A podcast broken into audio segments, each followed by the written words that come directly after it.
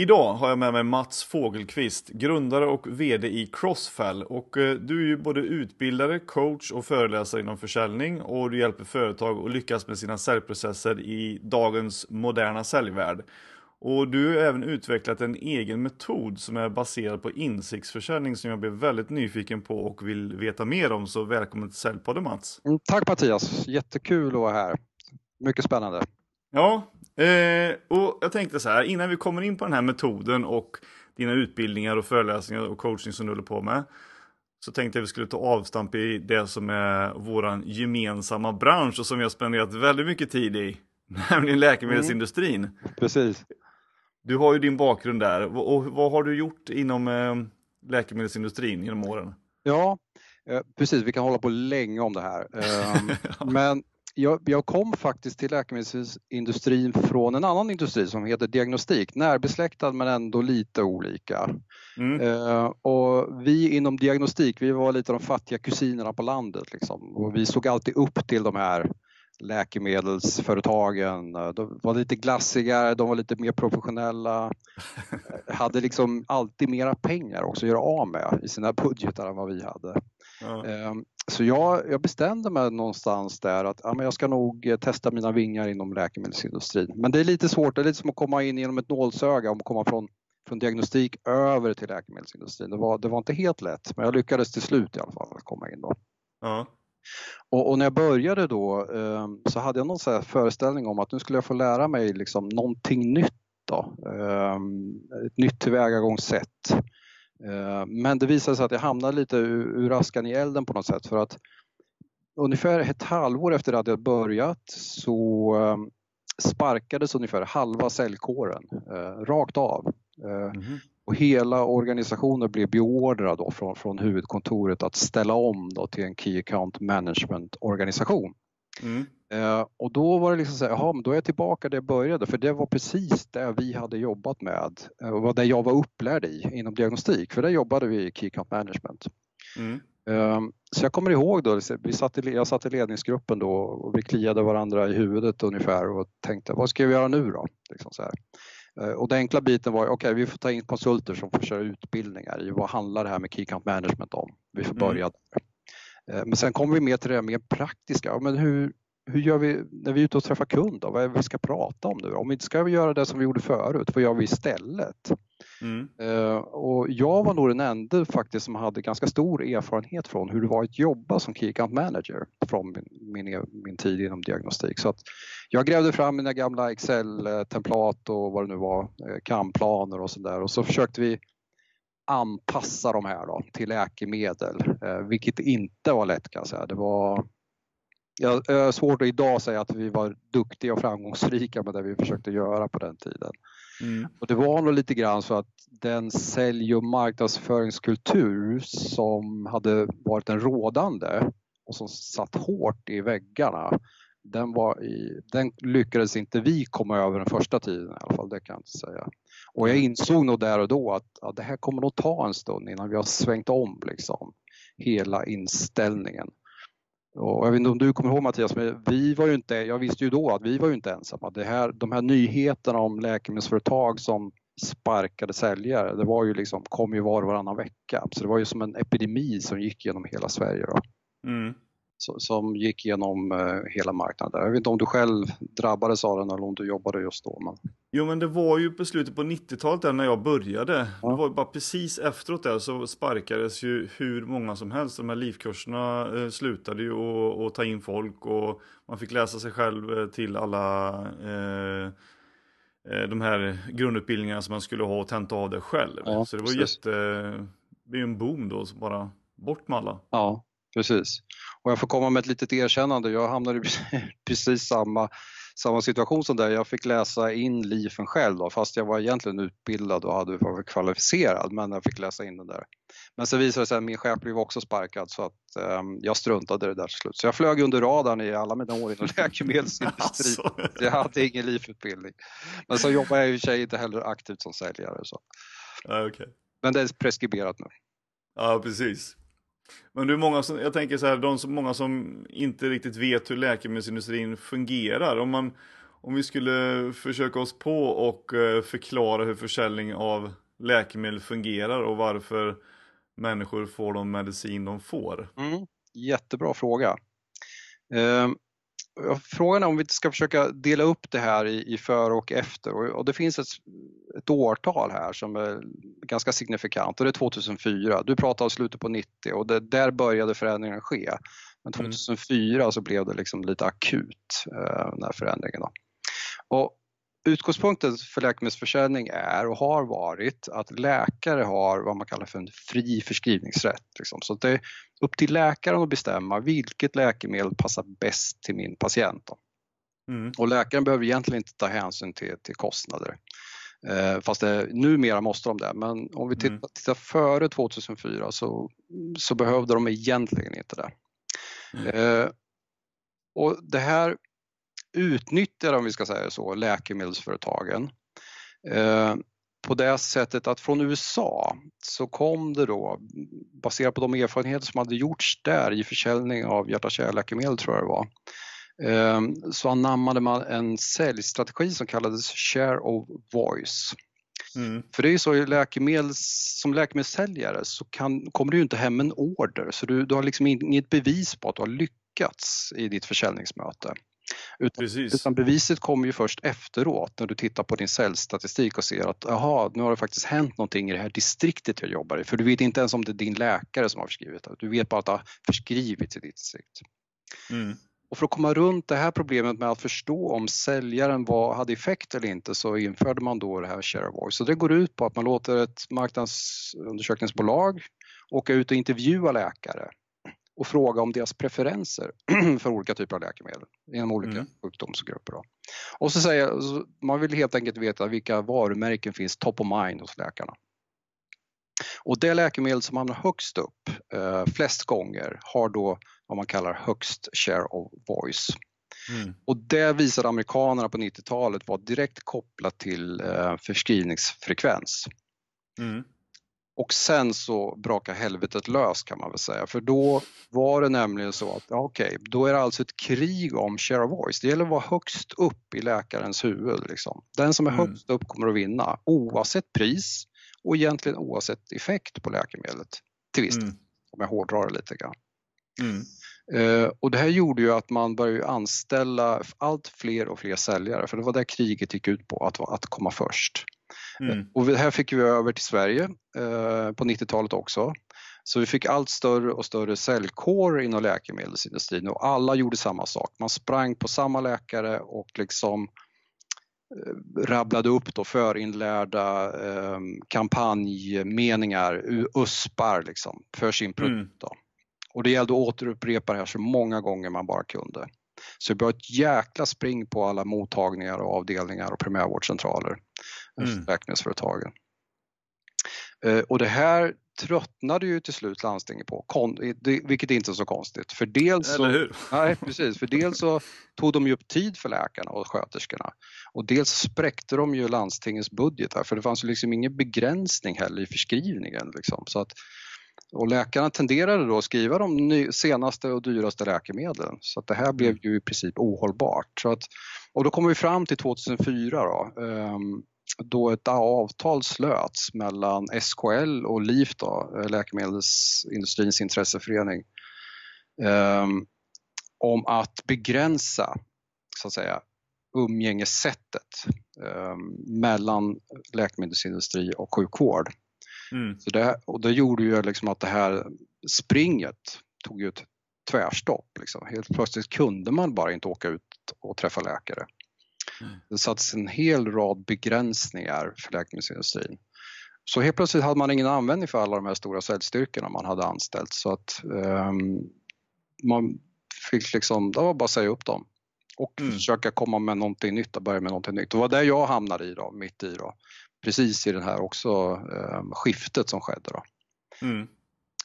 Och, och, samtidigt så hade, hade landstingen börjat etablera redan före 2004 med så rekommendationslistor, att man försökte begränsa läkarnas möjlighet att förskriva dyra uh, nya läkemedel. Så man hade reklistor som man skulle hålla sig efter. Mm. Uh, vilket ytterligare minskade behovet av um, cellkårer för att det var, det var liksom ingen idé att, att, att springa på cellbesök för att läkarna kunde ändå inte göra någonting. Även om det, hade... det blir ju centraliserat eh, beslut egentligen. Ja, precis. Ja. Mm. Så då spelar inte det någon roll längre. Då. Så frågan var då, vad ska läkemedelsföretagen göra nu då? Liksom, nu, nu måste man hitta andra värden. Um, och vi, kommer ihåg, där jag jobbade, var ju frågan vi ställde oss, liksom, hur kan vi bli en partner igen då, till, till sjukvården och ge värde förutom pillerna? Um, mm. uh, och hur ska det se ut och hur gör man det? Vad är det för typ av värden? Problemet var ju för läkemedelsbolagen då, då att man hade ju bränt broarna lite grann. Förtroendet var urlågt liksom. Mm. Ingen ville ha med oss att göra. Uh, vi var utlåsta från de flesta ställen. Uh, beslutsfattarna tittade skeptiskt på oss när vi kom och mm. manade bara, ja det, vi vet nog vad ni är ute efter, ni, ni ska bara sälja era piller. Liksom. Det, mm. det är det enda ni är intresserade av. Ni bryr oss inte alls om egentligen patienter och hur, det går, hur vi har det här i sjukvården. Nej, precis. Men nu har vi kommit en bit från det, ehm, eh, från 2004, så nu tror jag då, jag börjar skönja nu ut och träffa läkemedelsföretag, eh, ny inställning, det finns en liten ny generation också som har kommit till eh, och nu börjar man väl se det här mjuka upp igen. Men det har tagit många år. Uh, och nu börjar man se liksom samarbetsprojekt um, uh, mellan företag och sjukvård som också leder faktiskt till nytta för patienter och läkare och sköterskor och de som jobbar där ute. Och det mm. tror jag är liksom, det, det, det som är, kommer att vara framgången liksom, att för, för läkemedelsföretagen. Eh, mm. Att hitta nya vägar in där. Precis, jag tycker, min känsla har ju varit nu som varit inne som konsult i ett antal bolag och det är ju att de som har varit med länge och inte orkat ställa om, alltså de är generellt duktiga på att presentera en kampanj som du sa, med powerpoints mm. liksom på ett lunchmöte, men kanske inte så duktiga på att och göra affärer på så vis. Nej, precis. Eller sätta sig in i läkarens dilemma som du sa. Alltså, men vad, ehm, vad, vad tänker du om det? Ja, och jag tror väl, när jag ser det också, jag ser också det, och jag tror det är en liten rest av det gamla. Ehm, för, för det var så nämligen att det enda krav du hade som säljare um, var att genomföra ett antal besök och att när du väl var, träffade läkare så skulle du säga en sak egentligen. Det var mm. ditt jobb lite grann och det var ganska enkelt på ett sätt. Svårt på mm. ett sätt men enkelt på ett sätt. Att kraven på dig, vad du var tvungen att sätta dig in i för ett möte var ju, var ju egentligen noll. Du mm. hade din agenda och det var den du eh, diskuterade med läkaren. Det skedde mm. på dina villkor enbart. Du var egentligen ganska ointresserad av läkarens situation och patienternas situation. Mm. Du hade ett budskap och det framförde du. Liksom. Och så var det bra sen. Då gjorde du ditt jobb och så fick du betalt för det. Du fick till och med bonus på det. Mm. Så det är inte så konstigt att det beteendet fortfarande lever kvar hos vissa som var med på den tiden och var duktiga på det. Mm. Ehm, de fortsätter eh, att köra den biten om man inte liksom har förstått att det, det här håller inte längre. Jag måste nu liksom ta mig vidare i min egen utveckling. Ta mm. ansvar mm. för min egen utveckling som säljare eh, och ta, ta nästa steg. Jag minns ju de här cellträningsutbildningarna som man gick då. Det gick ut på att eh, det var jag, jag, jag eh, av de konstiga anledningarna. Men det var för att de var mhm. traditionellt bundna kanske. Var att, mm. eh, Hej, jag heter, jag kommer från det här företaget. Idag vill jag att ni ska lära er det här och den här agendan har jag satt upp. Exakt. Och när ni går härifrån så vill jag att ni ska kunna detta. Exakt, precis så var det. Det är egentligen ganska otäckt. Jag tycker jag får rysningar bara jag tänker på det. Att det var så. Ja. Ja. Det talar emot allt sunt förnuft som finns egentligen, att, att det är så man lyckas med försäljning. Det finns... mm. Jättekonstigt. Men jag tänker som du som har varit med då många år i, i branschen där, du måste ju ha träffat liksom mängder med säljträningsföretag eh, som har kommit in och utbildat deras säljare. Liksom. Vad, vad, vad tycker du att de utbildningarna har gett för de här säljarna? Ja, också jättebra fråga. Eh, om jag tänker tillbaka på min egen erfarenhet, alltså när jag började, um, och det var, ju till med, det var redan inom diagnostik, då, det, jag, det jag utsattes för det var solution selling som det hette då. Idag, mm. det finns många kloner, spin selling är en väldigt välkänd eh, modell. Men mm. i grund och botten går de ut på samma sak, att du ska med hjälp av förpreparerade frågor eh, avtäcka liksom behov hos kunden som kanske kunden inte ens visste att de hade. Mm. Eh, och jag tyckte det där var lite fascinerande när jag fick lära mig det här. Då tänkte jag säga, ja, men är det så enkelt att sälja? Liksom? Det här kan ju vem som helst göra, bara man lär sig de här sättet, liksom, öppna sluta frågor och så kommer du fram till slut till ett avslut liksom, och säger mm. ja men vad bra, då kör vi då. och jag tyckte så här, ja men det här var ju kul liksom. Så jag kastade mig ut liksom, och träffade sjukhuslaboratorier och försökte köra det här. Då. Mm. Och visst, det var inte så att jag inte fick komma dit och sådär, men jag kände ju att det här, det här kommer inte att lyckas. De, det här kommer definitivt inte att gå. Jag fick ju ingen liksom, respons på någonting egentligen. Mer än en tack, vad trevligt att du kom. Mm. Eh, och egentligen var allt jag gjorde var jag upptog deras tid, kanske 45 minuter med att ställa en jäkla massa frågor. För jag hade ju inte läst på innan naturligtvis, utan jag kom in med min agenda och så ställde jag massa frågor för att mm. se var behoven låg och så gick jag för avslut. Liksom. Totalt mm. meningslöst upptäckt efter ett tag. Så att jag, av, jag, jag struntade i det där. Mm. Och gick egentligen in lite grann mer att föra samtal om eh, de problem som kunden tyckte att de hade eller som de upplevde att de hade. Så vi, det var där jag liksom tog utgångspunkt. Eh, och sen öppnade sig alltid möjligheter på ett eller annat sätt för mig och mitt företag. Mm. När jag väl visade tålamod så att säga. Tog, tog lite tid men de möjligheter som kom, de blev ju oftast ganska stora också och ledde liksom till, till affärer. Mm. Jag kände att jag struntar i det här med de här säljmetoderna. Jag, jag, jag kör mitt sätt för att det funkar. Jag kände att det funkade. Och så fick jag mm. ungefär som du säger genomlida de här säljträningarna med, med så skriptade eh, träningar vi körde med någon, ja. någon träningscoach. Liksom. Ja. Det var bara liksom go through the motions. Jag, jag får göra det nu då. men sen när jag väl är ute hos kund då gör jag någonting helt annat. Precis, och det är det som är lite lustigt då, för menar, då har ju inte egentligen säljutbildningen gett någonting. Nej, precis. Nej. Nej, men jag har inte gett någonting faktiskt. Och det är ju lite tragiskt när man tänker på hur mycket som, som då läggs ner på det där. Ja. Eller gjordes då ska jag säga. Ja.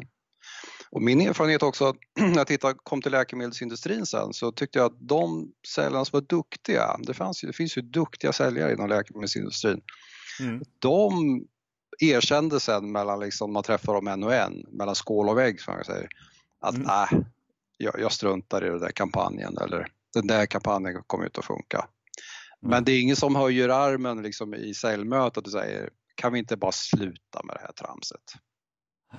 det, det, har jag inte upplevt. Men sen man väl kommer ut så gör man sin grej, det som funkar. Mm. Och så får marknadsteamet hålla på med sina kampanjer då. Uh, och och tro att det levererar någon slags värde, vilket det, vilket faktiskt inte gör. Hur ska man komma runt det här då? För det är, det är ju uppenbarligen ett problem som sitter i väggarna som inte ändras och man fortsätter att trampa på och så tror man att det kanske löser sig någon gång i framtiden. Mm. Men det lär det inte göra om man inte ändrar någonting. Nej, men jag, jag, tror, det har skett en förändring eh, och jag tror att eh, det kommer att fortsätta ske en förändring. Även om den är ganska långsam så tror jag också att chefer eh, försvinner, gamla chefer försvinner och ersätts med nya som kanske har inte upplevde 90-talet och som kommer in med en annan erfarenhet. Och jag tror det är lite grann det som också krävs för att riktigt ställa om. Ett litet generationsskifte kanske också på chefsnivå. Mm. Eh, för oftast på chefsnivå det börjar och um, jag har ju varit med många gånger där man har ställt om, uh, till och med med företag som jag har utbildat och coachat, mm. där man upplever att ja, men det här funkar ju faktiskt, vi har, når framgång här. Men sen kanske man kommer till lite motgångar, vi når inte riktigt våra budgetar och då ska vi säga, är budgeten nu rätt satt då, är frågetecknet, så kanske ingen ställer sig. Men i alla fall. Mm. Och, så, och så får man panik liksom. Och då går man tillbaka till det man vet funkade förut, det som funkade på 90-talet.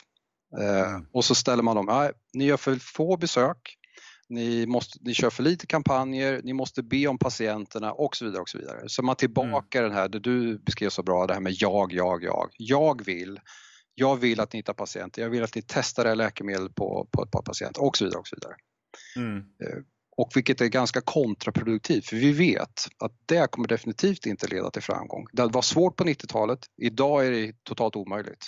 Mm.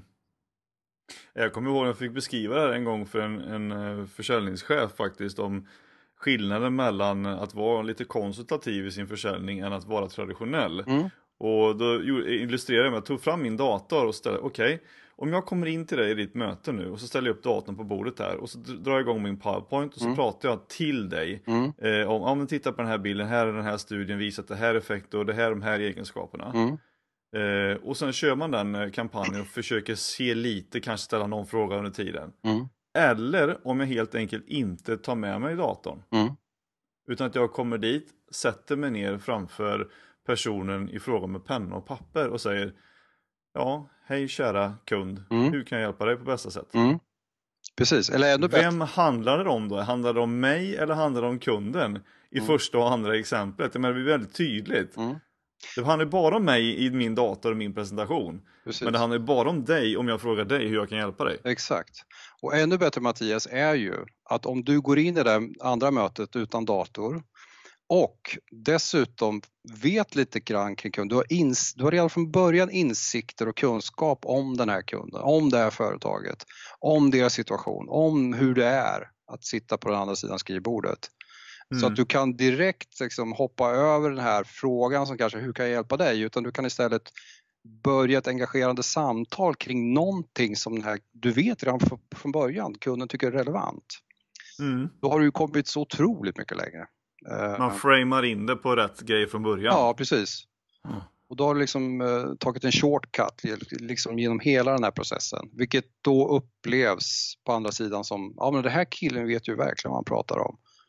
Mm. Uh, han är ju påläst liksom. Mm.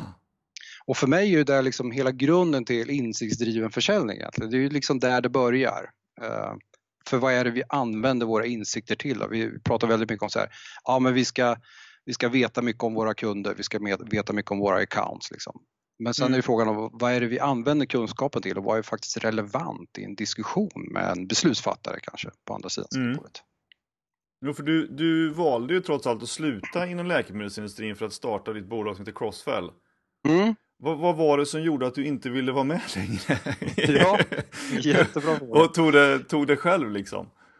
Ja, det, jag tror det var en så lång process för min del. Uh, nu, nu slutade den ganska abrupt liksom med uh, en akut uh, panikångestattack i min bil. Jag trodde jag fått, fick en hjärtinfarkt. Oj, jag var på väg hem från jobbet. Och ehm, det slutade så att jag svimmade faktiskt i min bil och, och krockade. Så att jag hamnade på sjukhus. Skadade mig inte, så det, som tur var gick det ganska långsamt. Då. Men jag trodde ju fortfarande att jag skulle dö, att jag hade fel på mitt hjärta. Mm. Sen var det många turer fram och tillbaka, den panik, panikångestattackerna blev bara värre och värre. Så till slut hann jag psykolog och så började jag förstå lite grann kring var kommer det här ifrån? Var, varför reagerar jag som jag gör? Och då gjorde jag liksom analysen att ja, men det är flera år av lite negativ stress egentligen, ganska o, trivdes inte riktigt med mitt jobb. Eh, ville ville, ville nog göra någonting annat med mitt liv tror jag. Mm. När jag kom till den insikten om mig själv så, ja, men då hade jag liksom inget val. Jag, jag gick faktiskt in och sa upp mig då till VD. Jag, jag jobbade ett halvår till men sen kom jag, kom jag försvinna. Mm.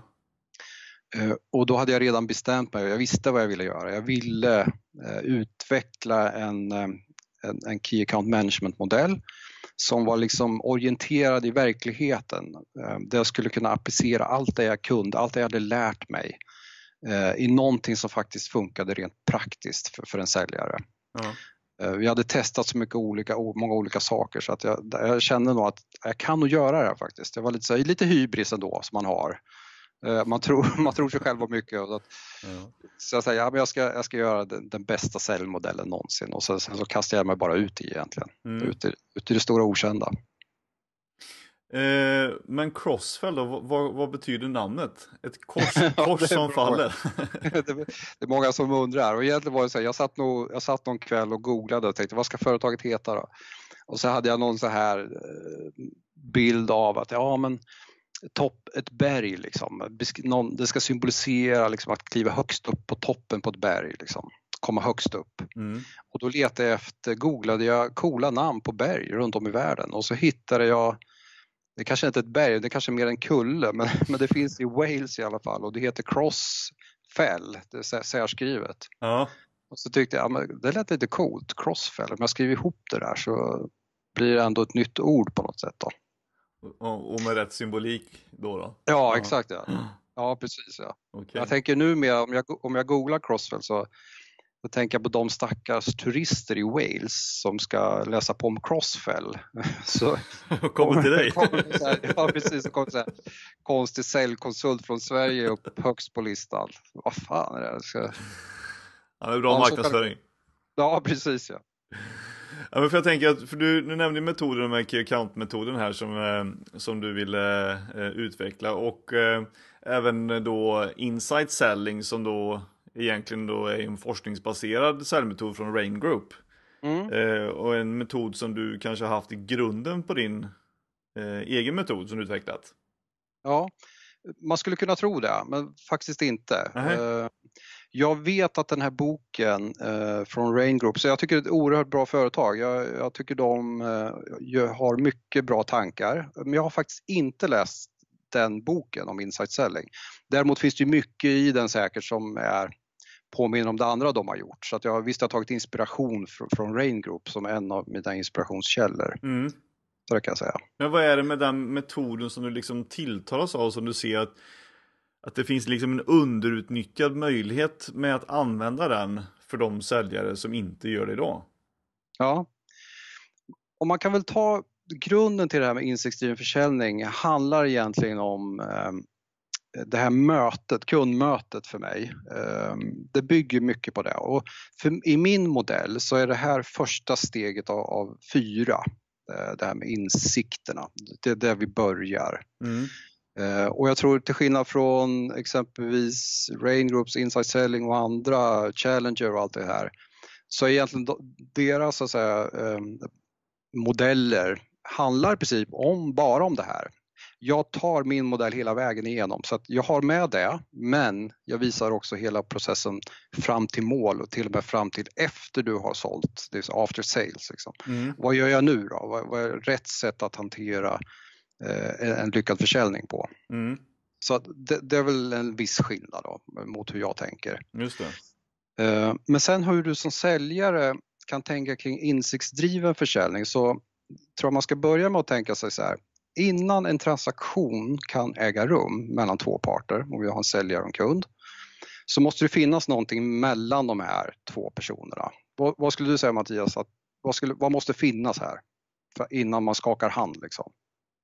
Om du skulle gissa. Ja, men ett intresse någonstans. Ja, absolut. Det finns ett behov. Liksom, att okej, okay, jag behöver dina grejer. Mm. Men innan jag är beredd att skriva på avtalet. Ja, du behöver få uh, lite mer information såklart om vad det är om det verkligen passar mig och mitt behov och mitt intresse. Ja, så vi säger att vi är förbi allt det där. Jag ska inte sätta dig på hala Mattias. Jag är lite ute efter på det här mera känslomässiga som måste finnas etablerat mellan två personer. Ja. Att man ska kunna lita på varandra. Ja men precis. Man kan ju inte göra affärer med fakta trots allt. Nej, precis. Nej. Det måste finnas ett förtroende. Alltså, mm. Jag litar på dig. Mm. Du verkar vara en kille som, som, som jag kan tro på. Liksom. Så att jag, jag är beredd att, att sätta mitt namn på det här avtalet och ta ett litet kliv ut i det okända tillsammans.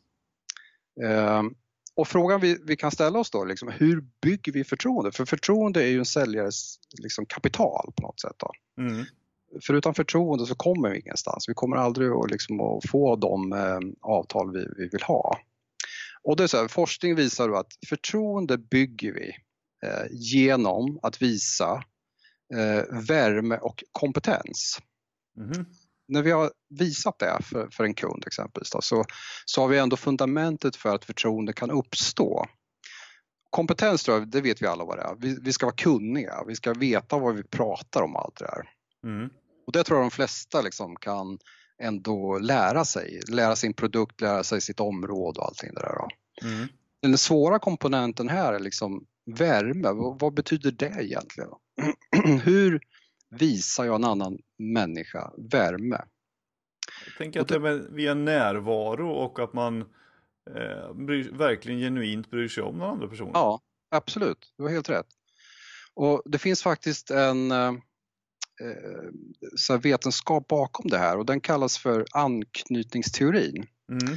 Eh, och den eh, utvecklades på 50-talet redan av en engelsman som heter John Balby. Det får googla honom de som är intresserade. Mm. Men han, han, tittade ju, han hade ju inget med försäljning att göra, men han, han studerade hur mammor knyter an till sina nyfödda barn. Mm. Framförallt var han intresserad av vad händer när det här går åt skogen, liksom, när, när anknytningen inte funkar och det får ju ganska svåra konsekvenser för barn. Då. Mm. Men sen har hans teorier har blivit allmänt spridda och också fått liksom, eh, spridningar utanför, utanför just det området. Då. Så om vi ska ta ett exempel, jag ska visa dig, jag ska ta dig igenom det här så, se, så att du förstår kopplingen till försäljningar. Då. Mm. Så om, jag, om jag frågar dig så här, kom, kommer du ihåg Mattias, sista gången du blev så här himlastormande förälskad? Mm. Var det länge sedan? Var var det... Alltså egentligen inte eftersom eh, som gift så får man ju jobba lite på det här varje, varje dag på säga. Exakt, så att man blir lite kär eh, i omgångar. Så. Ja, jät jättebra sagt tycker jag. Den får du pluspoäng i min bokföring. Ja, tack.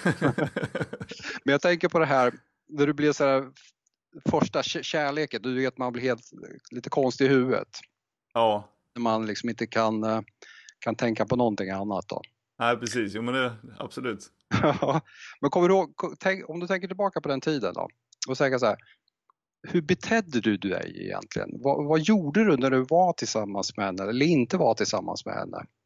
Eh, och jag tänker inte på det fysiska utan mer liksom mentala. Jo men man var ju liksom eh, nära hela tiden och observant eh, på allting och försökte liksom vara, vara så bra som möjligt och trevlig ja, som möjligt. Ja. Exakt, ja precis man liksom gräver egentligen, eh, och också om jag relaterar till mig själv, hur jag var när jag träffade Josefin. Då. Liksom man, man är superintresserad av den andra personen, man vill mm. veta allt. Liksom, vilken mat gillar du? Favoritfilmer? Vad, vad gick du i skolan? Allt sånt där. Man bara mm. samlar mm. på sig massa kunskaper om den andra mm. som leder egentligen sen till insikter om vad den här personen som jag är så kär i, eh, vad som får den här personen att ticka egentligen. Vad, vad är det som får dig att fungera? Vad är det du gillar egentligen? Mm. Och det här använder vi för att tillfredsställa den andra personen. Då. Och skick, skicka de signalerna. Och det är lite det värme handlar om som du också själv var inne på. Att vi använder oss av kunskap och insikter för att kunna liksom visa värmen. Liksom att jag finns här för dig. Mm. Och har man inte fått barn innan så kanske det här kärleken är första gången kanske någon annan person är viktigare än mig själv. Så att min, mm. mina egna behov kommer faktiskt på andra plats. Att dina behov är viktigare än mina. Då. Mm. Och då, då, funkar det så här enligt han anknytningsteorin här att när, när, vi visar det här, eh, att min agenda kommer på nummer två och att jag visar att jag förstår dig. Jag visar med ord och handling eh, vad som är viktigt för dig då sker den här anknytningen, då skickar vi över dessa anknytningssignaler och förhoppningsvis är det ju när det gäller kärlek då, så svarar ju andra personer med samma mynt då. Mm. Och, så, och så kan vi knyta an till varandra. Då. Och, och det här försäljning kommer in i bilden för att om vi, om vi gör så i våra möten med våra kunder, om, det är de, om vi fokuserar på att skicka över signaler av värme så är det precis det vi måste göra. För det, det, är så vi funkar som människor. Vi har det här inom oss, liksom, djupt rotat i oss, mm. rent psykologiskt. Så därför ska vi liksom sätta vår egen agenda i andra hand. Och ska bli lite kära i kunden alltså? Precis ja, det är nästan där vi ska bli. Och vet du vad, jag tror faktiskt att vi blir lite kära i våra kunder ju mer vi förstår om dem. Ju mer mm. vi begriper om deras situation och de problem de har, de situationer de är utsatta för, så har vi lite lättare att bli lite förälskade också i våra kunder. Sen finns det alltid personer vi inte kommer överens om men i stort sett tror jag, de flesta människor har vi ändå den här förmågan att kunna knyta an till. Då. Mm. Och då kan du tänka dig, det vi var inne på läkemedelsindustrin där du själv beskrev, det här jag, jag, jag. Mm. Vad är det vi gör där egentligen? Ja, men det blir att de frånskjuter ju liksom allting. Eh, man gör ju sig själv ointressant. Ja, vi går emot den mänskliga naturen genom att göra så. Mm. Det vill säga att när vi visar att jag är viktigare än vad du är. Nu ska du lyssna på mig. Här är min agenda. Nu vill jag att du gör som jag vill. Mm. Vi sätter oss själva först. Så egentligen så då går vi tvärt emot det här. Vi skickar definitivt inte över några signaler om att knyta an. Mm. Och kom ihåg var vi började. För att, för att vi ska lyckas så måste det finnas ett förtroende. Och förtroende bygger på två byggstenar. Det handlar om värme och kompetens. Mm. Så för en säljare är det viktigt att vara medveten om det här. Och då kan man undvika att hamna i så traditionella fallgropar och känna att ja, men nu är jag säljare, nu ska jag informera om min produkt. Egentligen är kunderna ganska ointresserade av din produkt. Mm. Jag, jag skulle säga att de, de struntar fullkomligt i din produkt på ett sätt, på en nivå. Ja, kan man inte lita på att eh, där man handlar av eh, levererar det de har sagt eller hjälper mig att känna mig bättre och snyggare och snabbare och rikare eller vad det nu kan vara så gör man inte det ändå. Nej, precis. Och jag, ju, jag faller ju själv eh, i den här fällan, har gjort många gånger. Fortfarande kan jag hamna där. Att jag blir så förälskad i mina egna grejer att jag, att jag bara kör på. Vet du. Och så, så, så, så glömmer jag bort det här. Varför är jag här egentligen? För vems skull är du här för? Varför tar du upp tid för den här andra personen egentligen? Då? Är det, för, är det för att visa hur duktig du är? Är det för att visa hur mycket du kan? Eller vad är det för någonting? Så jag får hela tiden också påminna mig själv om det. för det är lätt att hamna i, det, i den fällan om och om igen. Mm. Och dessutom skapar man ju inget värde för den andra personen om man bara pratar om sig själv. Nej, verkligen inte. Och för vi är ju alla egoister också. Vi ska ju komma ihåg att alla gillar att prata om sig själva och sina problem. Mm. Uh, och det gäller ju även våra kunder. Mm. Uh, så det gäller ju att hitta bryggan och vägen över dit. Och den går via insikter och kunskap om, om kunden. Då. Mm. Så för mig, insiktsdriven försäljning börjar med det. Mm. Det är liksom startpunkten att lära sig det här. Eh, och Challenger likadant, den handlar om att utmana kundens tankar och idéer. Den tar också utgångspunkt ifrån det. Mm. och uh, antar också, även om jag inte har läst boken nu, Insight Selling, jag har läst lite grann vad den handlar om och den tar då väl utgångspunkt ifrån samma sak egentligen. Mm. Just det. Men vad är nästa steg då? Ja, nästa steg handlar ju om hur du kan, så att säga, vad är dina affärsmöjligheter? Nu när vi vet så mycket om kunden då. Uh, vad är möjligheterna för mig att, att hjälpa kunden lösa sina problem? Har jag de möjligheterna eller inte? Mm. Och, och tvärt vad vi brukar säga, vad är kundens behov? Så brukar jag säga, strunta i behoven. Vad du ska fokusera på som säljare, det är att försöka förstå hur kundens prioriteringar istället, för de, de är betydligt viktigare. Mm, hur då tänker du? Att... Ja, för det är ju så här att vi, både som människor och som företag så, så tvingas vi att prioritera mm. väldigt mycket. Vi prioritera hur vi tillbringar vår tid och hur vi spenderar våra pengar. Och, och för företag är det likadant. De, de har en begränsad budget, begränsat med pengar, begränsat med folk. Så att de tvingar hela, tvingas hela tiden att välja hur de ska spendera sina resurser. Mm.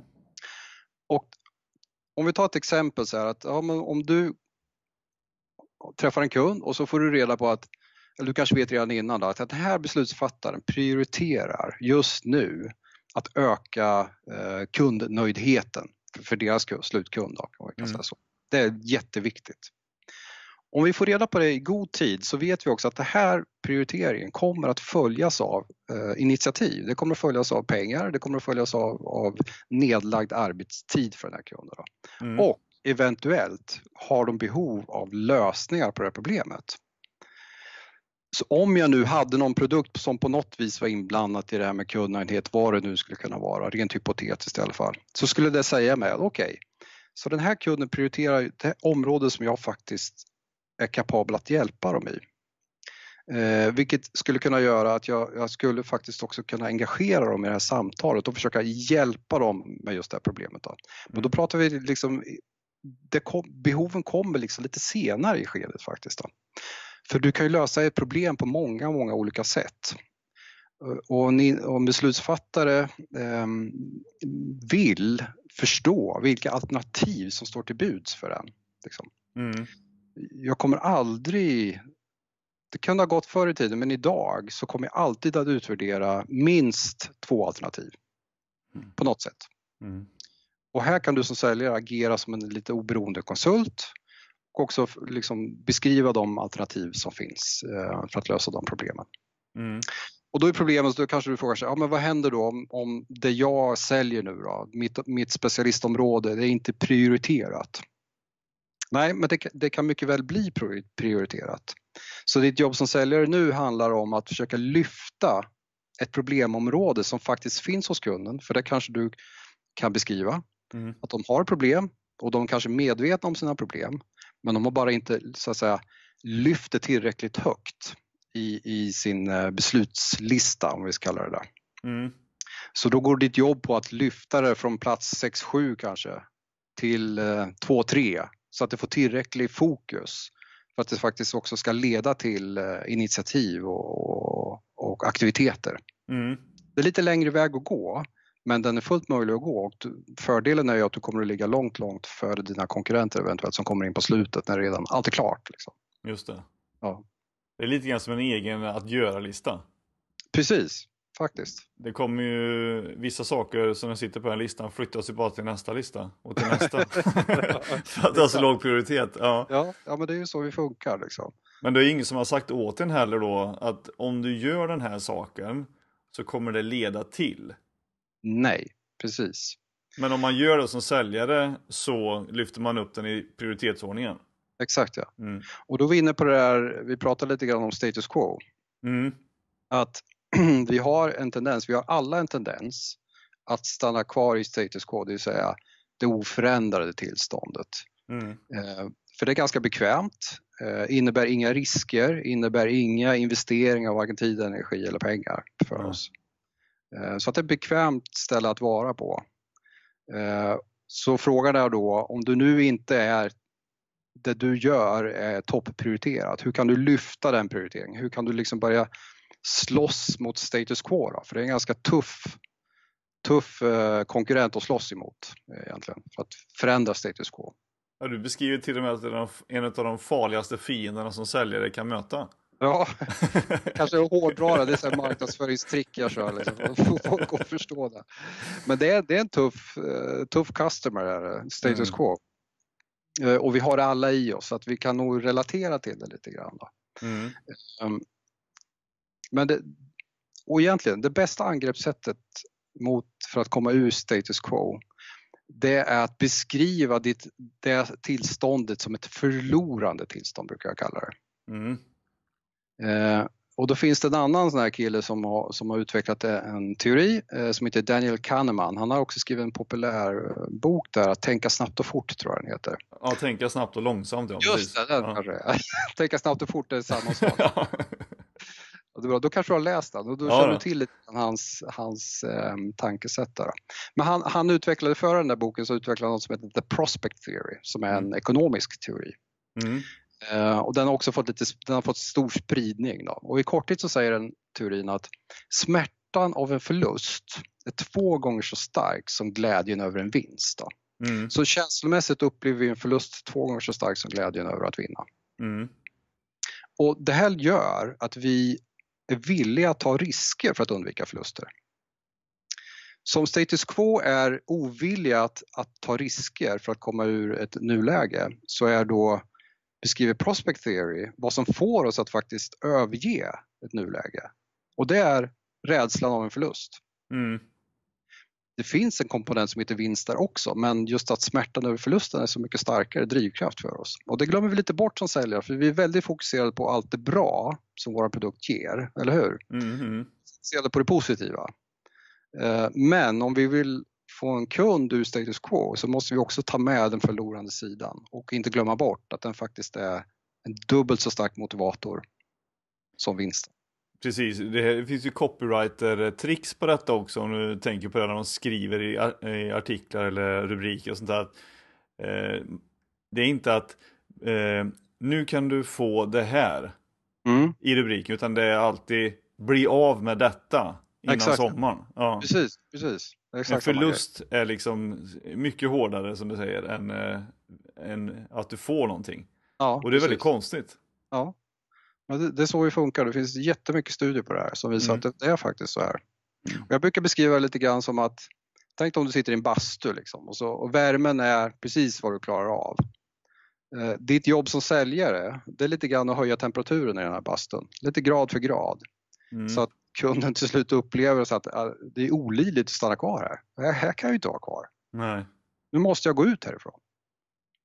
Eh, och då, då har du liksom rubbat den här um, status quo-balansen och då är man öppen helt plötsligt och kanske lyfter det här till en prioritering. Nu, nu prioriterar vi det här högt för det här kan vi inte vara kvar.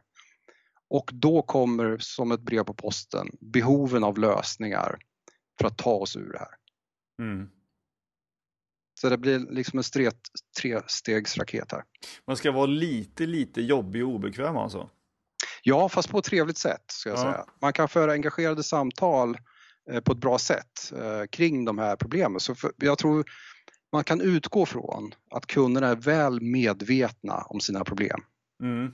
Men som du själv var inne på Mattias, är de medvetna om konsekvenserna av problemen? Där kanske man får hjälpa dem med att beskriva. Genom att kanske läsa på, genom att förstå lite mer i detalj vad det faktiskt är betyder och vad det innebär för dem mm. att stanna kvar i det här problemnuläget som de har. Just det. Det tror jag inte ofta de har tid med. Du vet alla, vi är ju så himla upptagna allihopa så ofta hinner de säkert inte tänka efter själva riktigt. Vilket gör att, att det inte får den prioritering det, det, behöv, det förtjänar kanske. Nej, plus att en del kan ju vara så att, jaha, så du menar att vi tänker fel på det här stället då? Mm, exakt. På, ja. den, på det sättet istället? Ja, Ja, det, och jag tror inte man ska utmana kunder på det sättet. Jag tror de är alldeles för smarta för det. Liksom att man, jag, tror inte, jag tror inte det leder till framgång utan jag tror mer på engagerade samtal kring, kring områden och beskriva eh, konsekvenser av verkligheten utan att skriva dem på näsan. Liksom. Mm. Man kan ju med värme liksom säga, jag förstår hur, varför ni prioriterar ner det här just nu. Varför just nu anser att det här är viktigt. Men jag vill också att du ska veta att och så kan man beskriva konsekvenserna. Mm. Och hur tar man det här vidare från, eh, från beskrivning av en förlust då? Du vill att jag ska gå igenom hela min säljmodell med dig? Du får, du får, du får, köpa, du får köpa min bok. Det. Apropå, apropå boken, så du har ju, du har ju faktiskt skrivit en bok som kommer ut nu i dagarna. Ja, den gör ju det. Det är inte mm. så långt kvar då. Jag tror ungefär eh, om en vecka, tror jag planen är. 13 maj ska den vara ute eh, på onlinebutiker och allting annat. Då. Mm. Ja, det var, ett, det var ett intressant arbete och jag har lärt mig själv väldigt mycket på det här eh, jobbet att skriva en bok. Eh, och jag visste nog redan när jag startade Crossfit att jag ska skriva en bok om det här. Men då var jag inte riktigt mogen för det. Utan det här, jag har känt nu eh, sista året så, ah, men nu, nu vet jag vad jag ska skriva om. Mm. Och så hade jag turen att få, få ett, kontrakt, ett förlagskontrakt också på, på att göra det. Mm. Vad var så, det svåraste med det tycker du då?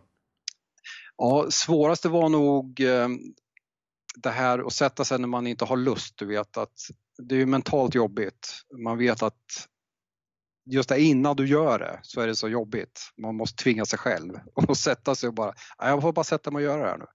Var det så ingen du... som gick igenom steg två med dig? Då hade jag ju ganska bra drivkraft, men ändå du vet, man är lat så här, av naturen tror jag, hjärnan lite grann, tar emot lite grann. Mm. Så jag tvingade mig själv att skriva, jag satte upp liksom, hur mycket måste jag klara av? Eh, jag hade ett halvår på mig. Så det var i princip bara att dela upp kapitlen och så visste jag hur mycket jag behövde skriva. Då. Mm. Och, så fick jag, när jag väl satte mig så gick det ju bra sen, då var det jättekul att göra det. Mm. Man måste ha disciplin, det är väl det. Disciplinen, det är jättebra med en deadline som ligger och trycker på för att du ska ha någonting att sikta emot. Just det. Ja, det, det, precis, det är jättesvårt eh, om man inte känner inspiration och du vet att du måste göra någonting. Ja. Och eh. Det är väl det att vänta på inspiration tror jag inte på. Eh, utan det är bara att sätta sig och göra och så kommer inspirationen. För det, det, var det jag upplevde också, att när jag väl sätter mig så helt plötsligt har det gått två, tre timmar och jag har bara skrivit liksom. Och då har jag kommit in i flow liksom. Ja, precis. Men du, du är ute mycket och utbildar och coachar i den här metoden och även i annat då. Mm. Eh, vad är det för typ av kunder som du har? Eh, just nu har det varit fram till eh, ganska nyligen dominerande ehm, läkemedelsföretag som jag har jobbat med och det har ju sina orsaker kanske att jag kan den industrin bäst.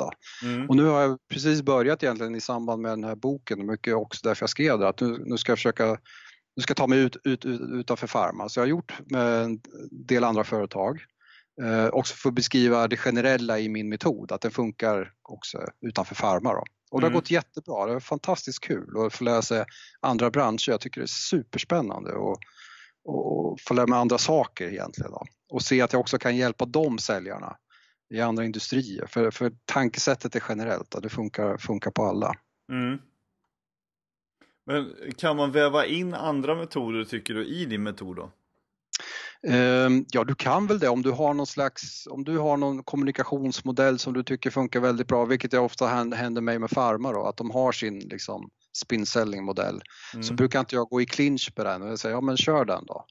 Uh, om du följer mina rekommendationer, min processbeskrivning då, från steg 1 till steg 4, så kommer du landa rätt oavsett egentligen, om du bara gör rätt saker. Mm. Så jag, inte, jag har faktiskt inte hamnat i problem trots att det finns etablerade säljmodeller på, på företagen. Utan den här har funkat väldigt bra som ett så att säga, extra lager ovanpå eh, det som nu finns då, på plats. Mm. Ja, vad spännande. Ja. Vad, vad kommer boken att heta då? Den kommer att heta Slutsålt, konsten att hjälpa kunder att köpa. Eh, och jag har valt den här titeln lite grann för att tidigt så gick jag ut med att eh, det handlar inte så mycket om att sälja. Eh, att om vi tänker bort det här med att sälja, att jag tvingas att sälja hela tiden och tänker istället att ja, men om mitt jobb är att hjälpa den här kunden att köpa så får jag en annan ingångsvinkel i kundmötena som jag ser det. Så lite grann därför jag har valt, valt den till titeln då. Mm. Ja, det är ju ett lite annat förhållningssätt såklart. Mm. Eh, om, man, om man har byggt upp eh, sitt bibliotek hemma med gamla traditionella säljböcker så, och utgår från dem så kanske man inte alltid har så stor lycka i dagens, eh, på dagens arena. Nej, jag skulle säga att det, det måste vara svårt, det måste vara tufft. Om, om man nu är ute och kämpar liksom och, och följer de rekommendationer och följer den, den säljmodell som, som råder på företaget och, och den är baserad på den gamla tekniken Eh, så tror jag man känner en frustration som säljare. Eh, frustrationer brukar yttras i så här, tröghet, kallar man det. De, de vill inte träffa mig, ehm, jag får inga möten, de kommer aldrig till avslut, kommer aldrig till beslut, liksom, så här vanliga saker. Eh, och det här är symptom på att man inte har lyckats liksom, engagera kunderna i, i det som är relevant för dem. Då blir det så. Då blir, mm. går det trögt helt enkelt. Då. Och jag kan också känna av det ibland att när inte jag lyckas så kan jag tycka vad, trö, vad segt det är. Liksom. Ja, men du har bara inte träffat rätt. Antingen så prioriterar de inte kompetenshöjning för säljarna just nu. Du ligger mm. långt ner på listan. Eh, du har ett jobb att göra för att nå dit. Så det är bara att ligga i, fortsätt hålla kvar. Eh, eller så har du gjort ett jäkligt dåligt jobb på att vara relevant för dem just nu. Du har inte pratat deras språk, du har inte satt dig in tillräckligt i deras situation för att prata rätt saker. Du har varit för, för fokuserad på din produkt, på min modell och visa hur, hur duktig du är, brukar jag tänka ibland. Mm. Men har du liksom i din karriär upplevt att säljare på företag är väldigt aktiva i att vilja vidareutveckla sig och bli bättre på sitt eget jobb?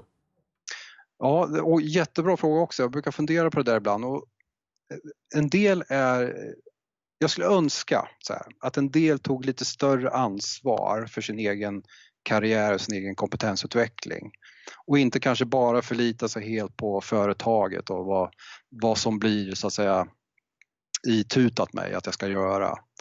Eh, jag tror att om fler börjar att lära sig förstå lite mer kring sitt jobb som säljare, för det är ju ändå, det är ett yrke eh, och du kan bli bra på att sälja. Eh, Eh, men du måste också liksom läsa på och förstå om vad det handlar om egentligen. Psykologiskt och vad är det som fungerar och vad har andra försökt och så vidare. Och också investera den tid och energi som krävs för att förstå dina kunder. Jag tror att för få lägger den tid som behövs egentligen för att skaffa sig de, den kunskap och de insikter som behövs för att lyckas idag. Mm. Så det, det, det, är bara en omprioritering av din tid egentligen. Mer tid bakom skrivbordet för att eh, analysera, förstå. Eh, för att liksom göra, maximera de säljbesöken du faktiskt sen gör helt mm. enkelt. Det konstiga är också att ju mer man läser desto mer vet man hur lite man vet. Ja, precis. Det är också precis min erfarenhet. Att jag blir ständigt förödmjukad över hur lite jag faktiskt kan ibland. Och det är lite lustigt då för de som inte läser någonting tycker att de kan allting. Ja, ja men så kan det också vara. En konstig paradox. ja, och de baserar mycket det på att ja, men jag var ju duktig, det gick jättebra det här för tio år sedan. Ja, men det var tio år sedan. Det har hänt en del. Mm. Det kan man lugnt säga. Ja, vill du fortsätta vara duktig då gäller det att hänga på liksom. Ja. Men slutsålt, konsten att få kunden att köpa, finns alltså eh, alldeles strax då, eller finns ute när det här avsnittet eh, släpps, så finns ja, den ute i bokhandeln. Då ska den finnas. Och den finns även eh, på min hemsida. Vi kan väl lägga ut lite, jag kan skicka lite länkar till dig som du kan Absolut. lägga ut kanske i mm. samband med det Så får man jättegärna gå in och köpa ett exemplar av den. Jag tror um, det kommer att hjälpa både nya säljare men också gamla säljare att få lite nya insikter, nya idéer och nya perspektiv på vad det här med försäljning handlar om faktiskt. Mm. Och om det är så då att man sitter och lyssnar på det här och tänker att ja, men Mats idéer och metod verkar vara exakt det som vi behöver hos oss. Hur gör man mm. då om man vill kontakta dig? Ja, då kan man mejla mig på mats.crossfell.se, tror jag är enklast. Mm. Eller ta kontakt med mig eh, på LinkedIn kanske, eh, om man söker efter Mats Fågelqvist, F-O-G-E-L-Q-V-I-S-T, så hittar man mig. Mm. Och så kan jag säga också att man kan följa med på Instagram eller Facebook så eh, brukar jag publicera lite tips från coachen kallar Lite, lite korta säljtips sådär en måndag morgon som man kan få med sig och testa under veckan som kommer. Ja, coolt. Ja. Men lägg ut lite länkar till det, på, till det här avsnittet på säljpodden.se. Ja, det vore jättebra det. Perfekt. Men du, stort tack för att du tog dig tid att vara med i Säljpodden och stort eh, lycka till med boken. Ja, supertack Mattias. Ja, och tack för alla det. utbildningar och föreläsningar och coachningssessioner här framöver. Ja, ja men jag ska göra mitt bästa. Och jättekul att vara här Mattias. Tack så mycket. Tack så du ha. Ha det bra. Hejdå. Hej då.